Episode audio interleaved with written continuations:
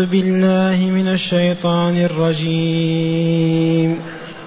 بسم الله الرحمن الرحيم. إذا زلزلت الأرض زلزالها وأخرجت الأرض أثقالها وقال الإنسان ما لها يومئذ تحدث أخبارها بأن ربك أوحى لها.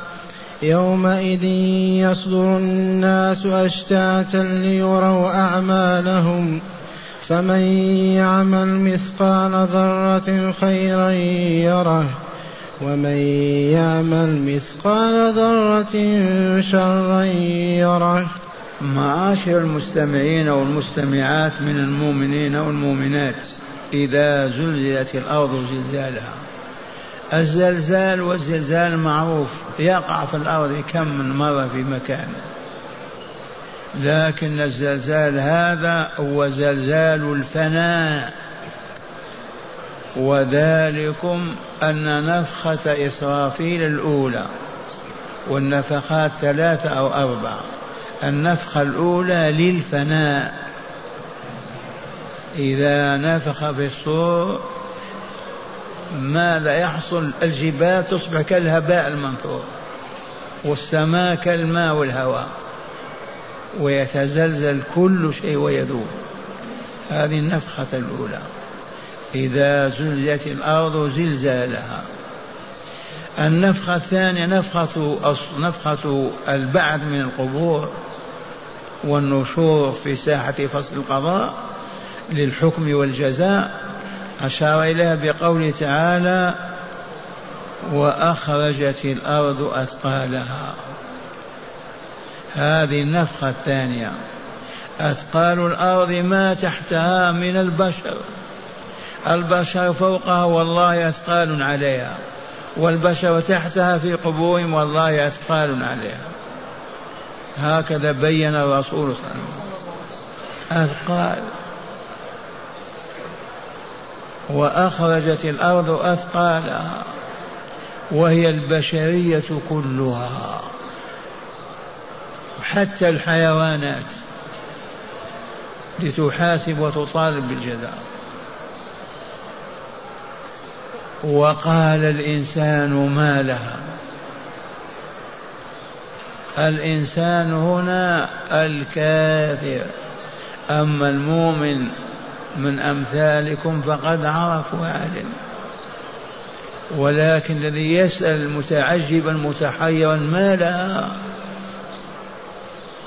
هذا الكافر الذي لا يؤمن بالدار الآخرة لا يؤمن بالبعث والجزاء لا يؤمن بيوم القيامة وما يتم فيه. كافر والعياذ بالله. وقال الإنسان ما لا يومئذ هذا جواب الشرط تحدث أخبارها. إذا زلزلت الأرض زلزالها وأخرجت الأرض أثقالها وقال الإنسان ما لها يومئذ تحدث أخبارها. والله كما شاء الله الأرض تتكلم وتنطق تنطق وتقول هذا فعل خير وهذا فعل شر. جميع ما ارتكب عليها من الخير أو الشر إلا وتنطق به. وهي مأمورة ما هو بإرادتها. الله أوحى إليها بذلك. يومئذ تحدث أخبارها بسبب ماذا؟ بأن ربك يا عبد الله أوحى لها بذلك. تكلمي. فتتكلم. بأن ربك أوحى لها بذلك. يومئذ يصدر الناس أشتاتا. يصدرون من قبورهم أشتاتا. جماعات جماعات أمم متفرقة. على أرض الجزاء على أرض الحساب على صعيد الجزاء والحساب. أشتاتا جماعات متفرقة أمم. لماذا يصدرون من قبورهم أشتاتا؟ ليروا أعمالهم. لو شاء الله ما أراهم أعمالهم. الكافر أدخله النار والمؤمن أدخله الجنة. ولكن عدل الله ورحمة الله وحكمة الله ليريهم أعمالهم التي استوجبوا بها النعيم المقيم أو العذاب الأليم.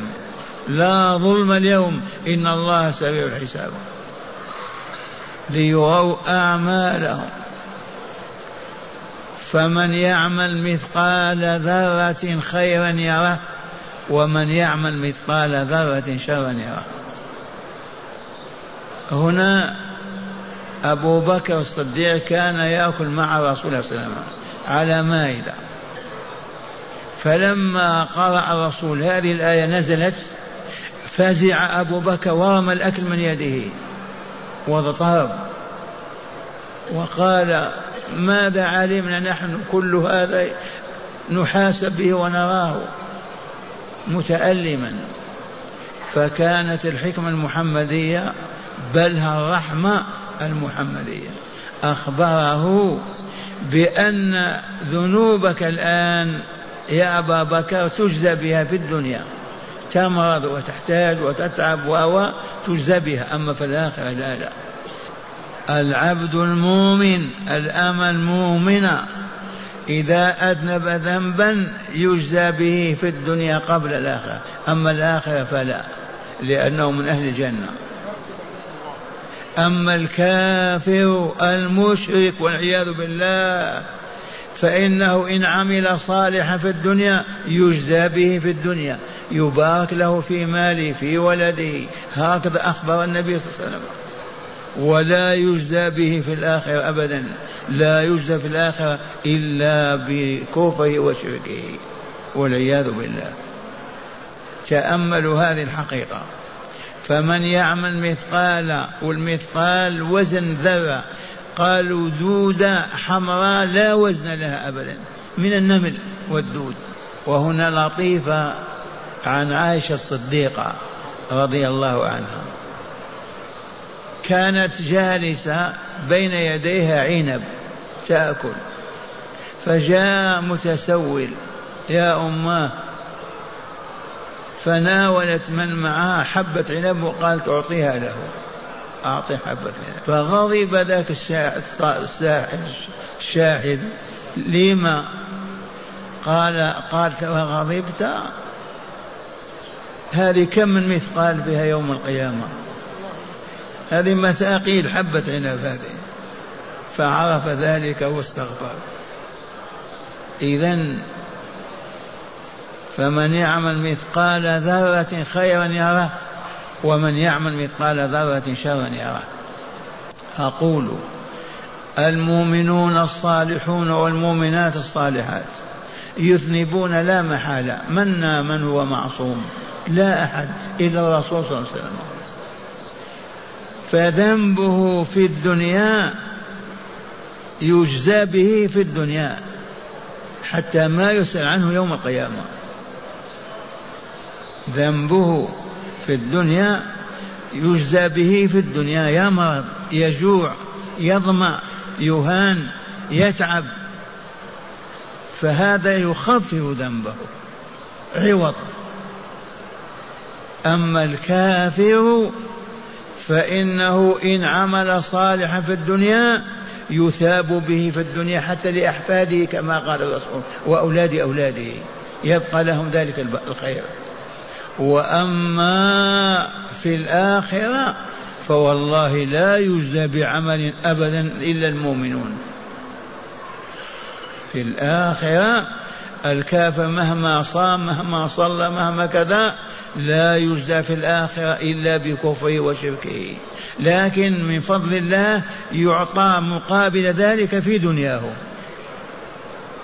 وهنا الصديقة عائشة أم المؤمنين رضي الله تعالى عنها قالت يا رسول الله عبد الله بن ابن جدعان كان يطعم الحجاج الحجاج ويسقيهم ويذبح ألف بعير في الحج. فهل يغفر له ويرحم؟ فقال لا يا عائشة لأنه لم يقول في يوم من الأيام رب اغفر لي خطيئتي يوم الدين. ما كان يوم بالبعث والجزاء ولا بالله. ما قال يوما رب اغفر لي خطيئتي يوم الدين. وهكذا أقرر هذه الحقيقة وتأملوها. المؤمن قد يذنب في دنياه ولا يحاسب به يوم القيامة بل يجزى به في دنياه. وأعماله الصالحة كلها يجزى بها يوم القيامة. أما الكافر المشرك إذا عمل صالحا في الدنيا تصدق بنى كذا أعطى كذا يثاب بها في الدنيا حتى على أولاده إذا مات. ولا يثاب على ذلك في الآخرة قط أبدا. فمن يعمل مثقال ذرة خيرا يراه. فمن يعمل مثقال ذرة خيرا يراه ومن يعمل مثقال ذرة شرا يراه. ماذا نفهم من هذا؟ نفهم المؤمنون الموحدون ما يحاسبون بالشر يوم القيامة بذنوبهم بل يجزون بها في دنياهم آلام وأتعاب. أما في الآخرة فلا يجزون إلا بإيمانهم وصالح أعمالهم. أما الكافرون المشركون فإن عملوا الخير في الدنيا كعبد الله بن جدعان يذبح كذا ويطعم كذا والله ما يثاب على ذلك في الآخرة أبدا. ما سبب ذلك؟ الحبيب يقول ما قال يوما في الدهر رب اغفر لي خطيئتي يوم الدين. بخلاف المؤمن يبكي ويذنب ويبكي ويستغفر ويدعو الله عز وجل أن يغفر له. فالميت فالكافر كالميت والمؤمن كالحي. وهذه الحقيقة. المؤمن حي والكافر ميت.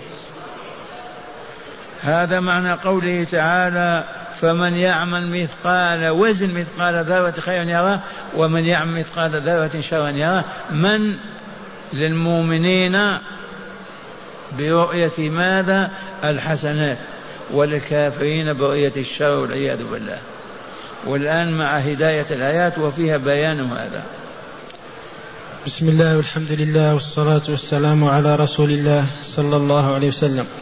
قال من هداية الآيات أولا تقرير عقيدة البعث والجزاء. من هداية هذه الآيات القرآنية الكريمة التي أكرمنا الله بتلاوة وسماعها تقرير عقيدة البعث والجزاء. الركن السادس أو الخامس من أركان الإيمان. عقيدة الإيمان بالبعث حياء أحياء ونحاسب ونجزى يوم القيامة. لأن إذا زلزلت الأرض زلزالها وأخرجت كلها تقرر مبدأ البعث والجزاء يوم القيامة. نعم. ثانيا الإعلام بالانقلاب الكوني الذي تتبدل فيه الأرض غير الأرض والسماوات غير السماوات. الإعلام من هداية الآيات إعلامنا بأن القيامة لا تقوم حتى تتبدل الأرض غير الأرض والسماوات غير السماوات. أي نعم.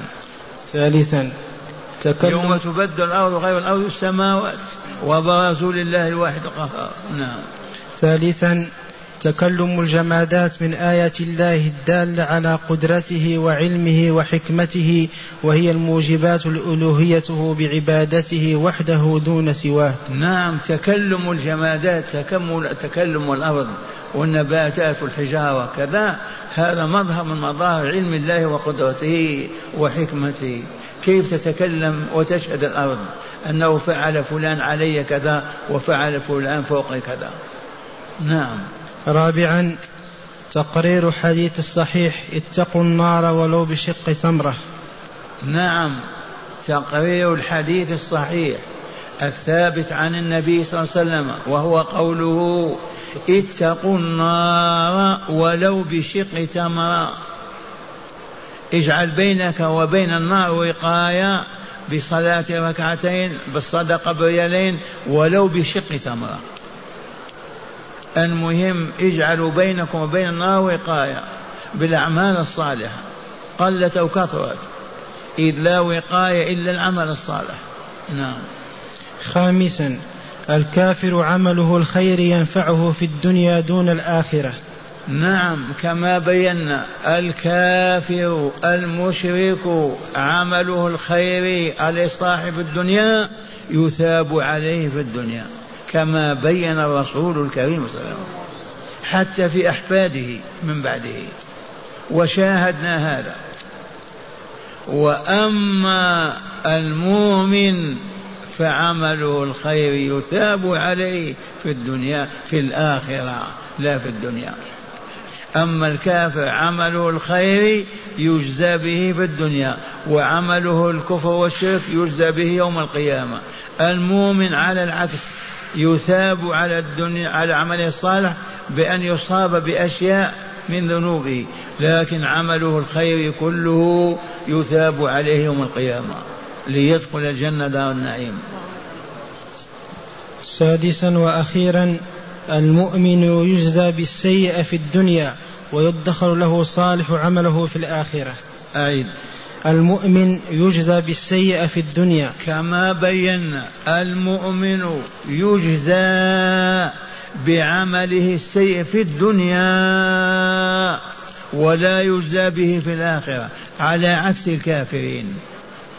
المؤمن يجزى بعمله السيء في الدنيا. يمرض يضعف ينكسر كذا يصاب بمصيبة ليمحى ذاك الذنب ولا يخاطب به يوم القيامة. وأما الكافر عكس ذلك. عمله السيء يثاب في النار عمله الصالح لا يثاب عليه إلا في الدنيا. نعم. والآن نسمع الآيات المجودة أيضا مرتلة. أعوذ بالله من الشيطان الرجيم. بسم الله الرحمن الرحيم. إذا زلزلت الأرض زلزالها وأخرجت الأرض أثقالها وقال الإنسان ما لها يومئذ تحدث أخبارها بأن ربك أوحى لها يومئذ يصدر الناس أشتاتا ليروا أعمالهم فمن يعمل مثقال ذرة خيرا يره ومن يعمل مثقال ذرة شرا يره